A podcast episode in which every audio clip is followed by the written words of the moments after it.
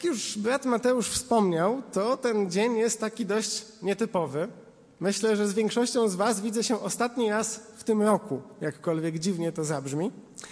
Ale tak jak też w mojej modlitwie wspomniałem, wydaje mi się, że jest to też taki czas, kiedy dokonujemy takiej ewaluacji. Sobie patrzymy wstecz na te ostatnie 12 miesięcy, tak sobie oceniamy, szacujemy, co nam się udało przeżyć, czego udało nam się doświadczyć, jakie zmiany się wydarzyły, co zyskaliśmy, może też co straciliśmy, w czym odnieśliśmy sukces, albo też niestety w czym zawiedliśmy. I to byłby chyba taki aspekt zamysłu nad przeszłością, nad tym, co było. To bardzo ważny aspekt tego dnia, ale nie jedyny, trzeba przyznać. Bo podejrzewam, że plany większości z nas dotyczą już nie tego roku, bo on się jednak kończy, ale raczej przyszłego roku, tego nadchodzącego.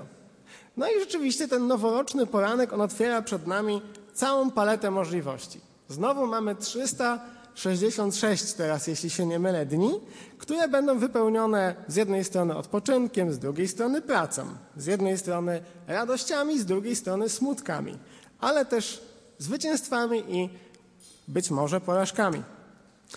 Tylko problem w tym, że ten komplet dni, który dostaniemy, on jest zarówno taką wielką szansą, jak i wielkim ryzykiem. Wielką szansą, dlatego że możemy je wypełnić tym, co dobre, tym, co oddaje Bogu chwałę, tym, co cieszy nas i naszych bliskich, tych, których kochamy. Ale, no właśnie, jest też tym, w tym wielkie ryzyko. Bo my, jako ludzie, naturalnie boimy się tego, czego nie znamy, a nie znamy przyszłości. Nie wiemy, co się wydarzy. Nie wiemy, co Bóg postawi na naszej drodze.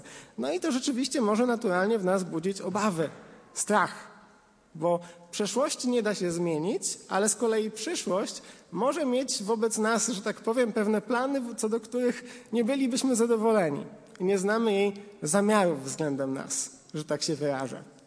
I tę atmosferę, w której znajdujemy się, w, w, której znajdują się nasze umysły, nasze serca, myślę, że można określić jako taki stan zawieszenia. Zawieszenia między e, przeszłością, ale też pomiędzy przyszłością. Pomiędzy tym, co e, było, ale też pomiędzy tym, co będzie. Z jednej strony coś się kończy, coś się zaczyna. I szukając odpowiedniego fragmentu pisma na tę okazję, który byłby najbardziej odpowiedni, to zacząłem e, wertować Księgę Psalmów, którą bardzo ją lubię.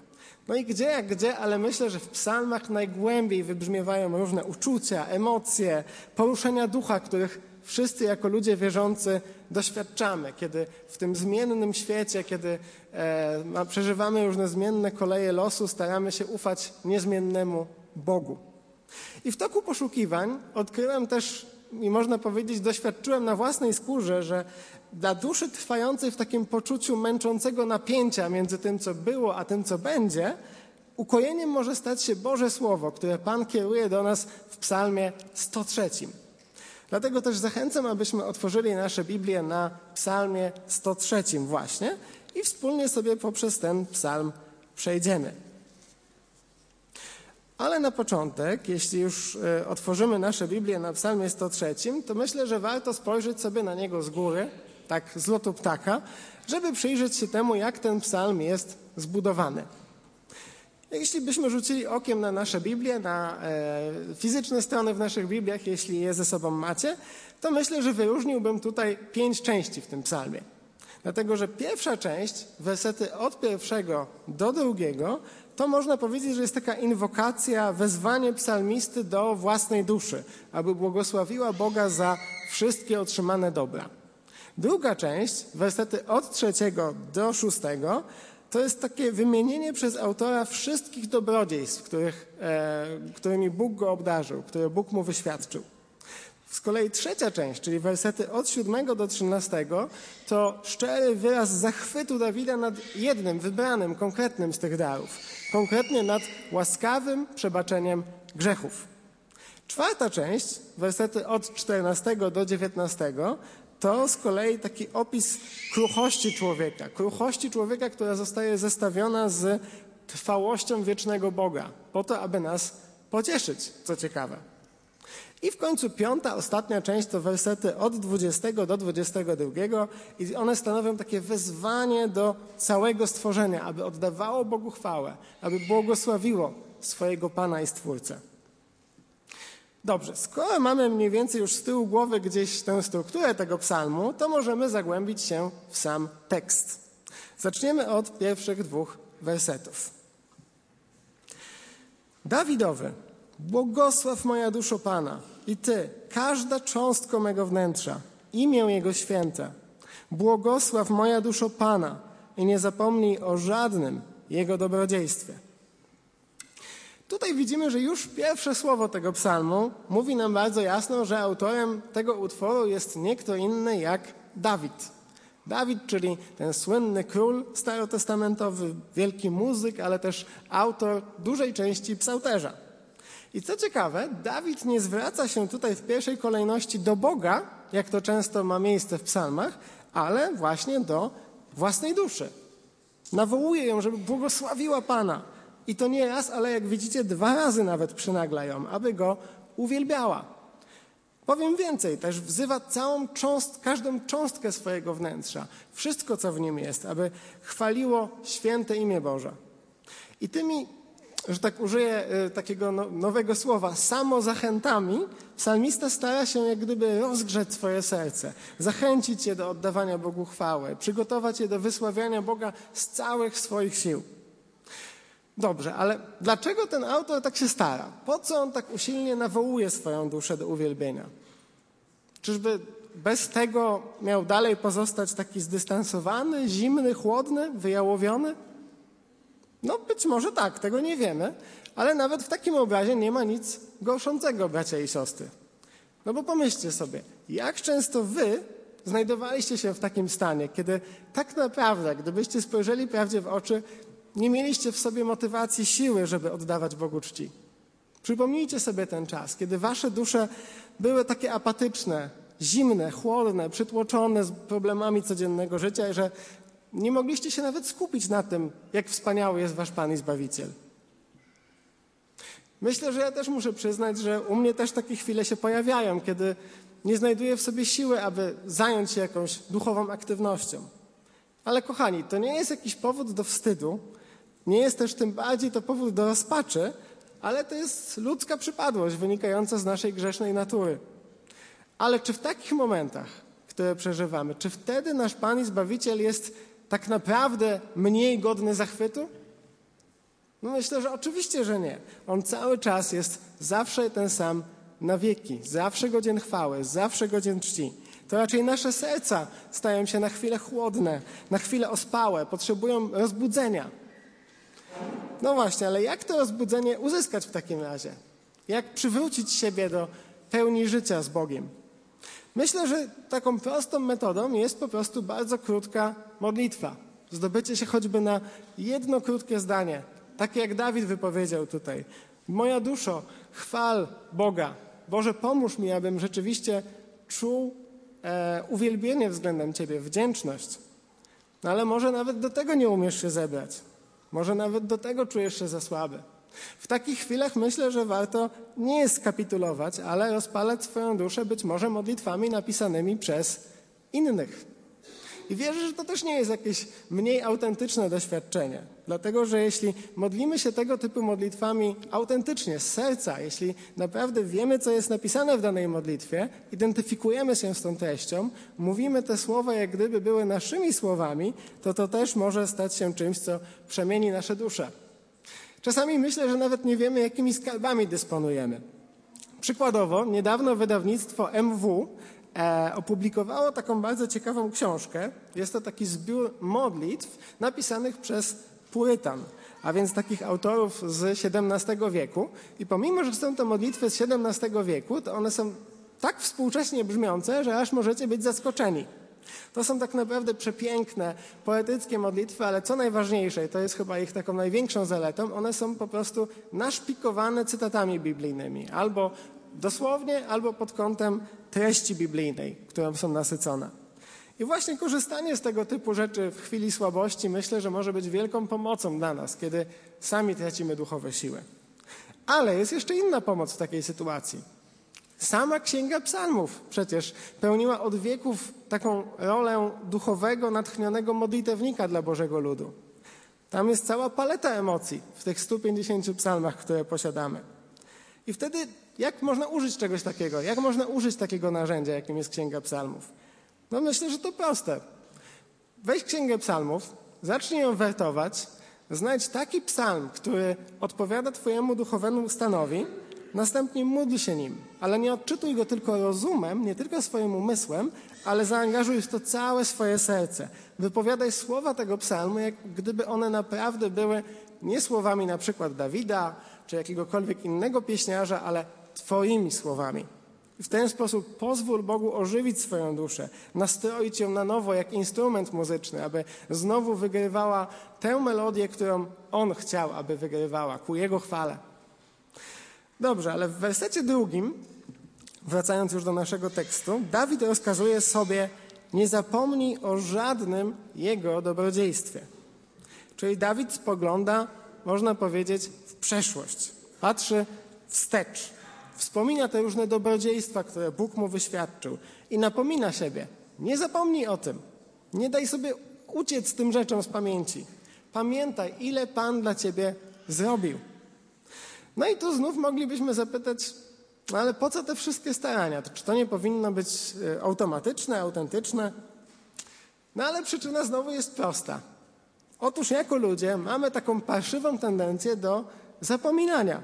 Do zapominania bardzo szybko, co Bóg zrobił w naszym życiu, jaką wielką łaskę nam okazuje.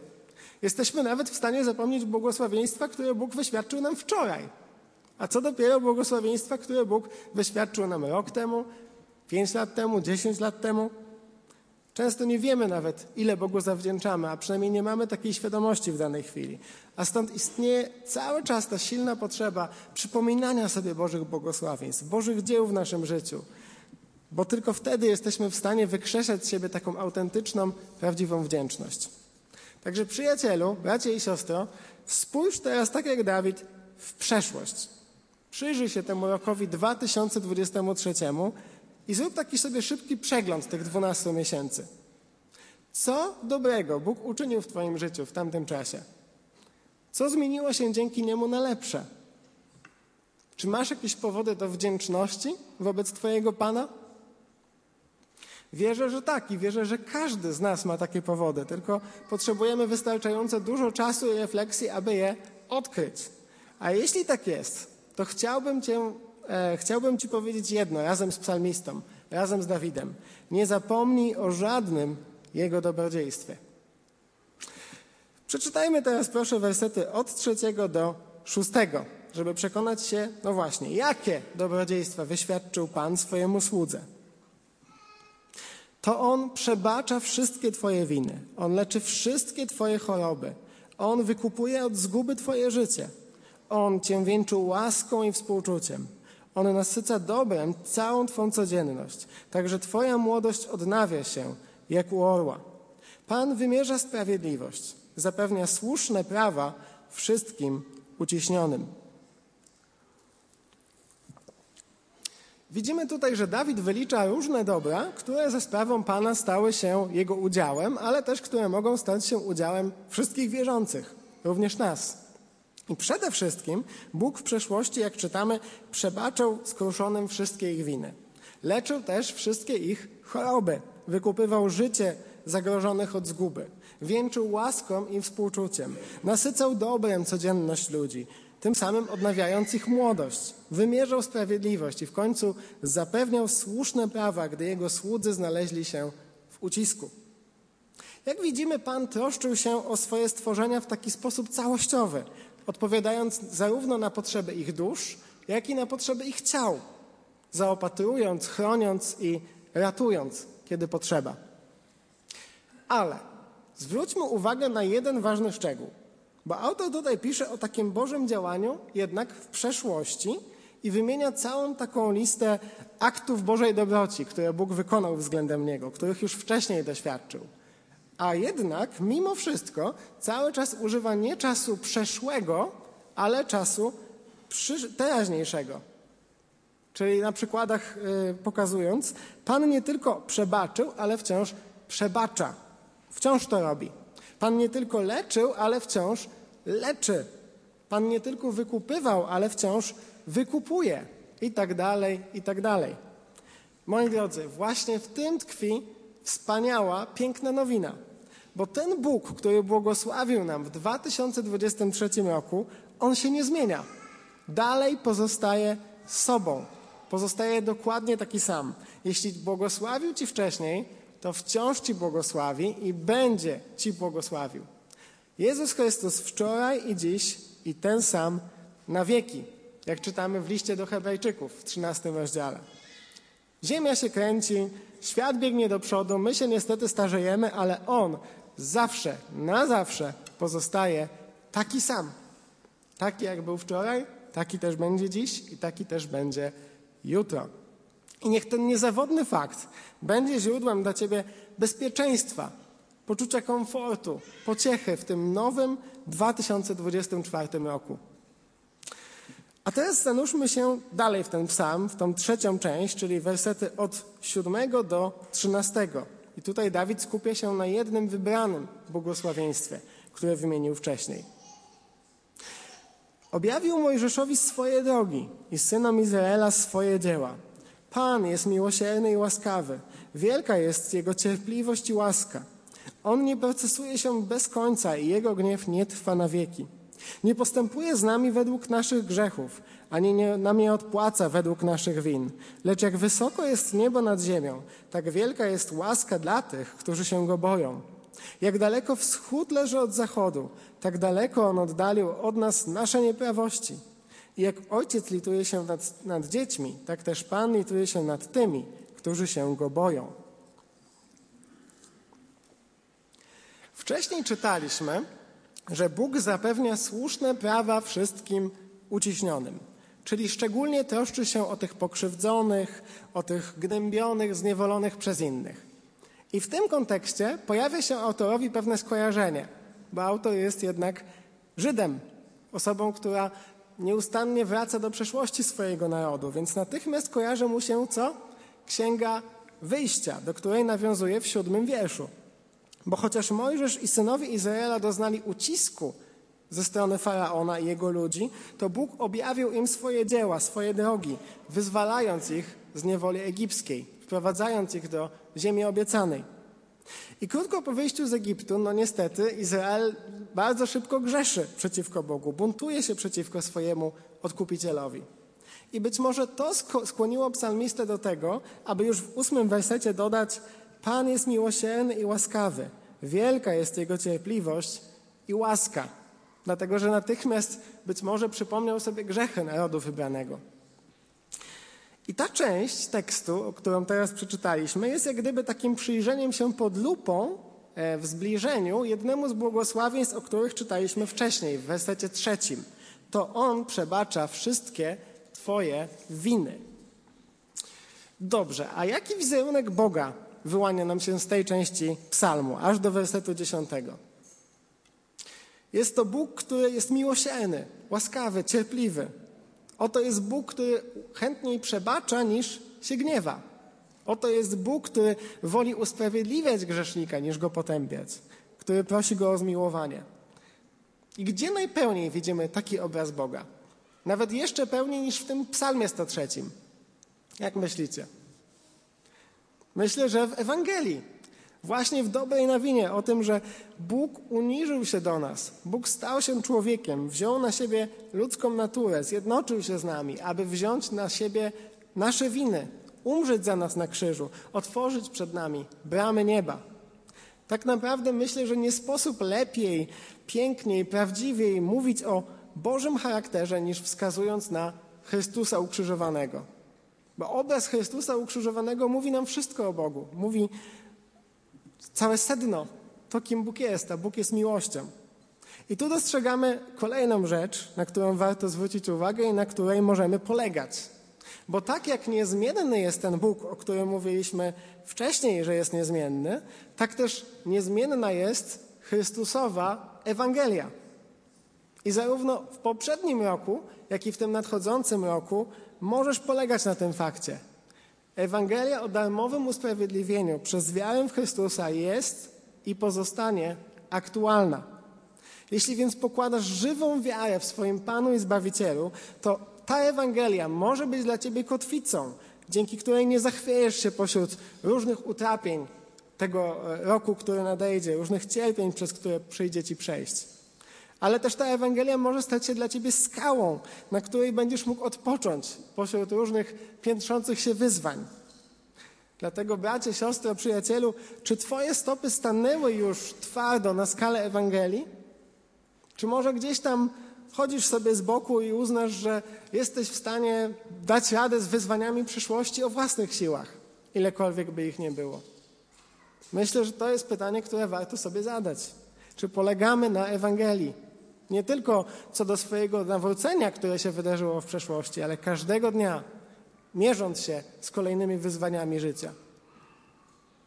Wracając znów do naszego tekstu, w wierszach od 11 do 13 psalmista wykorzystuje takie trzy obrazy, które pokazują litość Boga, e, która się tak przejawia w takim łaskawym przebaczeniu grzechów, które od Niego otrzymujemy. Pierwsza scena to jest taka scena, mm, którą Dawid wymalowuje nam przed oczami, jak gdyby łaska Boża była tak wielka, jak wysoko jest niebo nad ziemią. Czyli jest taki cały ogromny ocean przestrzeni pomiędzy najwyższym punktem nieba a najniższym punktem ziemi. I tak jak wielki jest ten ocean przestrzeni, tak też wielka jest łaska. Wielki jest ogrom tej łaski, którą Bóg chce Ci okazać. Zwłaszcza w przebaczeniu grzechów.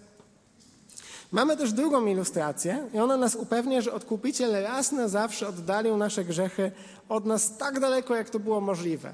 Jak daleko jest wschód od zachodu. Czyli krótko mówiąc, jeśli zwrócisz się do swojego Pana i Zbawiciela z prośbą o przebaczenie, zrobisz to szczerze, to naprawdę je otrzymasz. A Twoje grzechy nie zostaną Ci wypomniane na sądzie. Nigdy już nie będą przytoczone przeciwko Tobie. Zostaną od Ciebie oddalone tak daleko, jak tylko jesteś w stanie to sobie wyobrazić.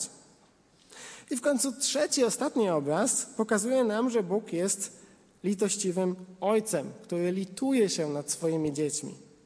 Jeśli więc Mu ufasz, to Bóg nie jest jedynie Twoim sędzią, ale również Twoim Ojcem, który widzi w Tobie nie tylko swoje stworzenie, ale swoje ukochane dziecko, syna lub córkę. Czy te wszystkie trzy obrazy wzięte razem, czy to nie jest wspaniałe? A taki jest właśnie Bóg Psalmu 103. Taki jest właśnie nasz Bóg, który zawsze taki był, zawsze taki jest i zawsze taki będzie. A teraz przejdźmy jeszcze proszę do czwartej części, która pokazuje nam kolejne wspaniałe aspekty Bożego charakteru. Czytam od 14 wersetu. Bo On zna całą naszą kruchość. Pamięta, że jesteśmy tylko prochem. Rzeczywiście, dni człowieka są jak trawa, a on sam kwitnie jak kwiat polny. Wystarczy, że zawieje wiatr, a już go nie ma. Nie widać go na jego dawnym miejscu. Ale łaska Pana trwa od wieków na wieki nad tymi, którzy się go boją. Jego sprawiedliwość otacza synów ich synów, tych, którzy dotrzymują Jego przymierza i pamiętają, by wypełniać Jego przykazania. Oto Pan na niebie utwierdził swój tron. Jego królestwo panuje nad wszystkim.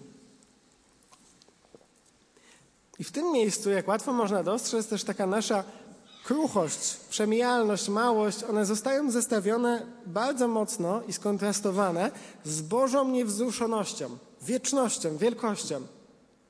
Człowiek zostaje porównany tutaj do czego? Do prochu, do, trwa, do trawy, do takiego kwiatu polnego, który jak wiatr raz zawieje, to od razu już go nie ma. W mgnieniu oka znika z ziemi. To są rzeczy takie bardzo nietrwałe, kruche, słabe. Jak myślicie, w jakim celu Dawid użył tu tego porównania? Po to, żeby poniżyć człowieka? Żeby zrównać go z ziemią? Żeby pokazać mu, gdzie jego miejsce? No myślę, że nie. Dokładnie odwrotnie. Po to, aby pocieszyć tego maluczkiego człowieka, napełnić go nadzieją. Po to, aby ukoić nasz strach, uspokoić nas, że pomimo naszej słabości, naszej znikomości, mamy kogoś, na kim możemy bezgranicznie polegać. No bo przecież mamy potężnego i mocnego Pana, którego łaska trwa na wieki, którego sprawiedliwość dosięga wielu pokoleń i który panuje dosłownie nad wszystkim, bez wyjątku. U boku takiego Boga nawet najmniejszy robak może się czuć bezpiecznie, a co dopiero my, Jego ukochane dzieci. Moi drodzy, przypomnijcie sobie w związku z tą kruchością, o której czytaliśmy, wszystkie niepowodzenia, rozczarowania, trudności, których doznaliście w poprzednim roku. Myślę, że z częścią z nich już się uporaliście.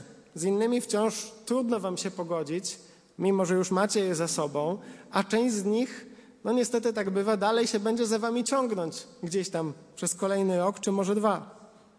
Ale w tym wszystkim, zarysowując cały ten nawet obraz, jakkolwiek nie byłby trudny, wciąż masz Boga, który współodczuwa z tobą w twoim wyczerpaniu, w twojej bezradności. I on może to zrobić, może to zrobić autentycznie, ponieważ kiedyś stał się człowiekiem takim jak ty. Przecież jeszcze niedawno mieliśmy Boże Narodzenie i co świętowaliśmy? No właśnie ten fakt, że Bóg stał się człowiekiem, że wcielony Bóg doświadczył odrzucenia przez swoich bliskich, że wcielony Bóg doświadczył ciężkiego mozołu pracy, przeszywającego bólu i wszystkiego, czego ty doświadczasz. Także w namacalny sposób ten Bóg zna Twoją sytuację jak nikt inny.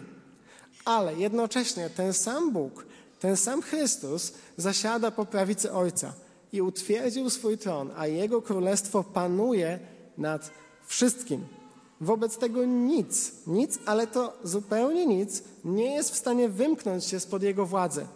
Nie ma takiej siły, która mogła go powstrzymać, jeśli on tylko zechce ci pomóc, wesprzeć cię, uzdolnić cię do wykonywania jego świętej woli.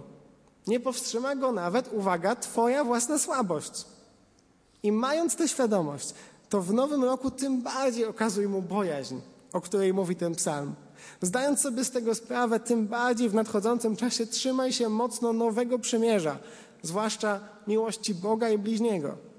Wiedząc o tym, w kolejnym roku jeszcze tym bardziej stara się wypełniać Jego przykazania, bo one są też dowodem naszej miłości względem Boga. Mamy na to też kolejne 366 dni, a to całkiem sporo, więc nie zmarnujmy ich. I tak możemy przejść do ostatniej części, do wersetów od 20 do końca naszego tekstu. Błogosławcie Pana, Jego aniołowie, potężni siłą, oddani Jego słowu, by dawać posłuch każdej Jego radzie. Błogosławcie Pana, wszystkie Jego zastępy, wy, jego podwładni, pełniący Jego wolę. Błogosławcie Pana, wszystkie Jego dzieła, we wszystkich miejscach Jego panowania. Błogosław również Ty, moja duszo, Pana. I co my tu mamy? Szereg takich podniosłych apostrof. Inaczej, prościej mówiąc, mamy tu do czynienia z taką serią wyzwań skierowanych do wszelkiego stworzenia, aby oddawało chwałę Bogu w reakcji na to wszystko, co wcześniej przeczytaliśmy, w reakcji na to wszystko, co ten psalm mówi o Bogu i o Jego dziełach. I z tej przyczyny, niczym taki refren, wybrzmiewają tutaj słowa entuzjazmu. Błogosławcie Pana, błogosławcie Pana, błogosławcie Pana. I uwielbienie ma płynąć ku Niemu nie tylko od wszystkich zastępów niebieskich, e, wszystkich bytów niebieskich, aniołów, zwierzchności władz, ale od wszystkich Jego dzieł, również od nas, bo ma czcić Go zarówno całe niebo, jak i też cała ziemia. I Dawid kończy tutaj swój psalm podobnie jak go zaczął, nawołując swoją duszę, błogosław również Ty, moja duszo, Pana. Tego rodzaju klamra, ona zarówno otwiera, jak i też zamyka nasz psalm. Spina go jakby razem ze sobą i zachęca nas do włączenia się do tego majestatycznego, wielkiego chóru całych bożych stworzeń, aniołów, ludzi, wszystkich istot, które wspólnie błogosławią Boga za to, kim jest i za to, co zrobił w ich życiu. I czego możemy nauczyć się z tej końcówki psalmu? Przede wszystkim tego, że z dobrej refleksji nad charakterem i dziełami Boga samoczynnie wypływa pragnienie uwielbiania Go. Mówiąc takim bardziej formalnym językiem, właściwe poznanie teologii w naturalny sposób prowadzi do doksologii. A jeszcze w ogóle prościej mówiąc, to kiedy Twoja dusza pozna, kim jest Bóg, odkryje, ile mu zawdzięcza, no to po prostu nie może zrobić nic innego, jak tylko skłonić usta do tego, aby oddawały Bogu chwałę, aby modlić się, aby śpiewać Mu, aby cieszyć się z Jego zbawienia. I tak oto dotarliśmy do końca tego psalmu, do końca psalmu 103, a w związku z tym też powoli zmierzamy do końca tego kazania. Drogi bracie, droga siostro, mam nadzieję, że w toku tego rozważania dostrzegliście, że jakkolwiek życie w takim niekomfortowym napięciu między tym, co było, a tym, co będzie, może być ciężkie, może być trudne, to koniec końców mamy dobrego Boga. Mamy dobrego Boga, dzięki któremu ze spokojem, z autentycznym, prawdziwym spokojem możemy patrzeć zarówno w przeszłość i nie czuć rozczarowania, jak i patrzeć w przyszłość i nie czuć wszechoganiającego niepokoju. Ale gdybyś miał wziąć z tego kazania jakieś trzy główne myśli, takie trzy główne lekcje, które chciałbym, żeby z Tobą zostały przez resztę tego dnia i e, chciałbym powiedzieć przez resztę tego roku, ale to byłoby dość krótko, ale przez kolejny rok, to myślę, że brzmiałoby one tak.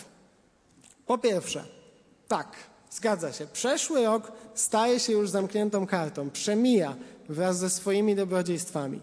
To prawda, ale masz niezmiennego Boga, który tak jak Ci do tej pory błogosławił, tak też będzie Ci błogosławił w przyszłym roku, jeśli tylko będziesz Mu okazywał ufną wdzięczność.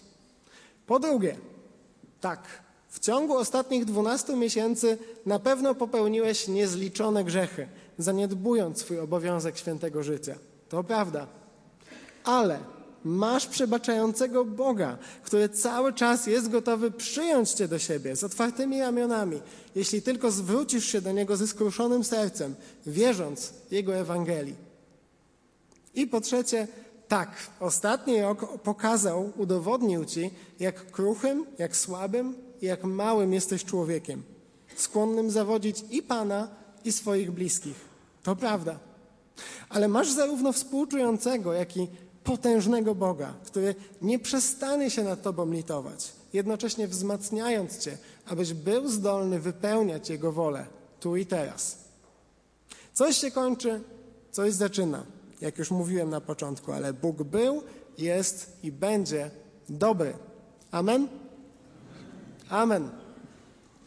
Powstańmy proszę i pomódlmy się, e, zwracając się do Boga zarówno w głośnych, jak i cichych modlitwach, dziękując Mu za poprzedni rok, e, prosząc Go o błogosławieństwo na kolejny rok, a ja zakończę.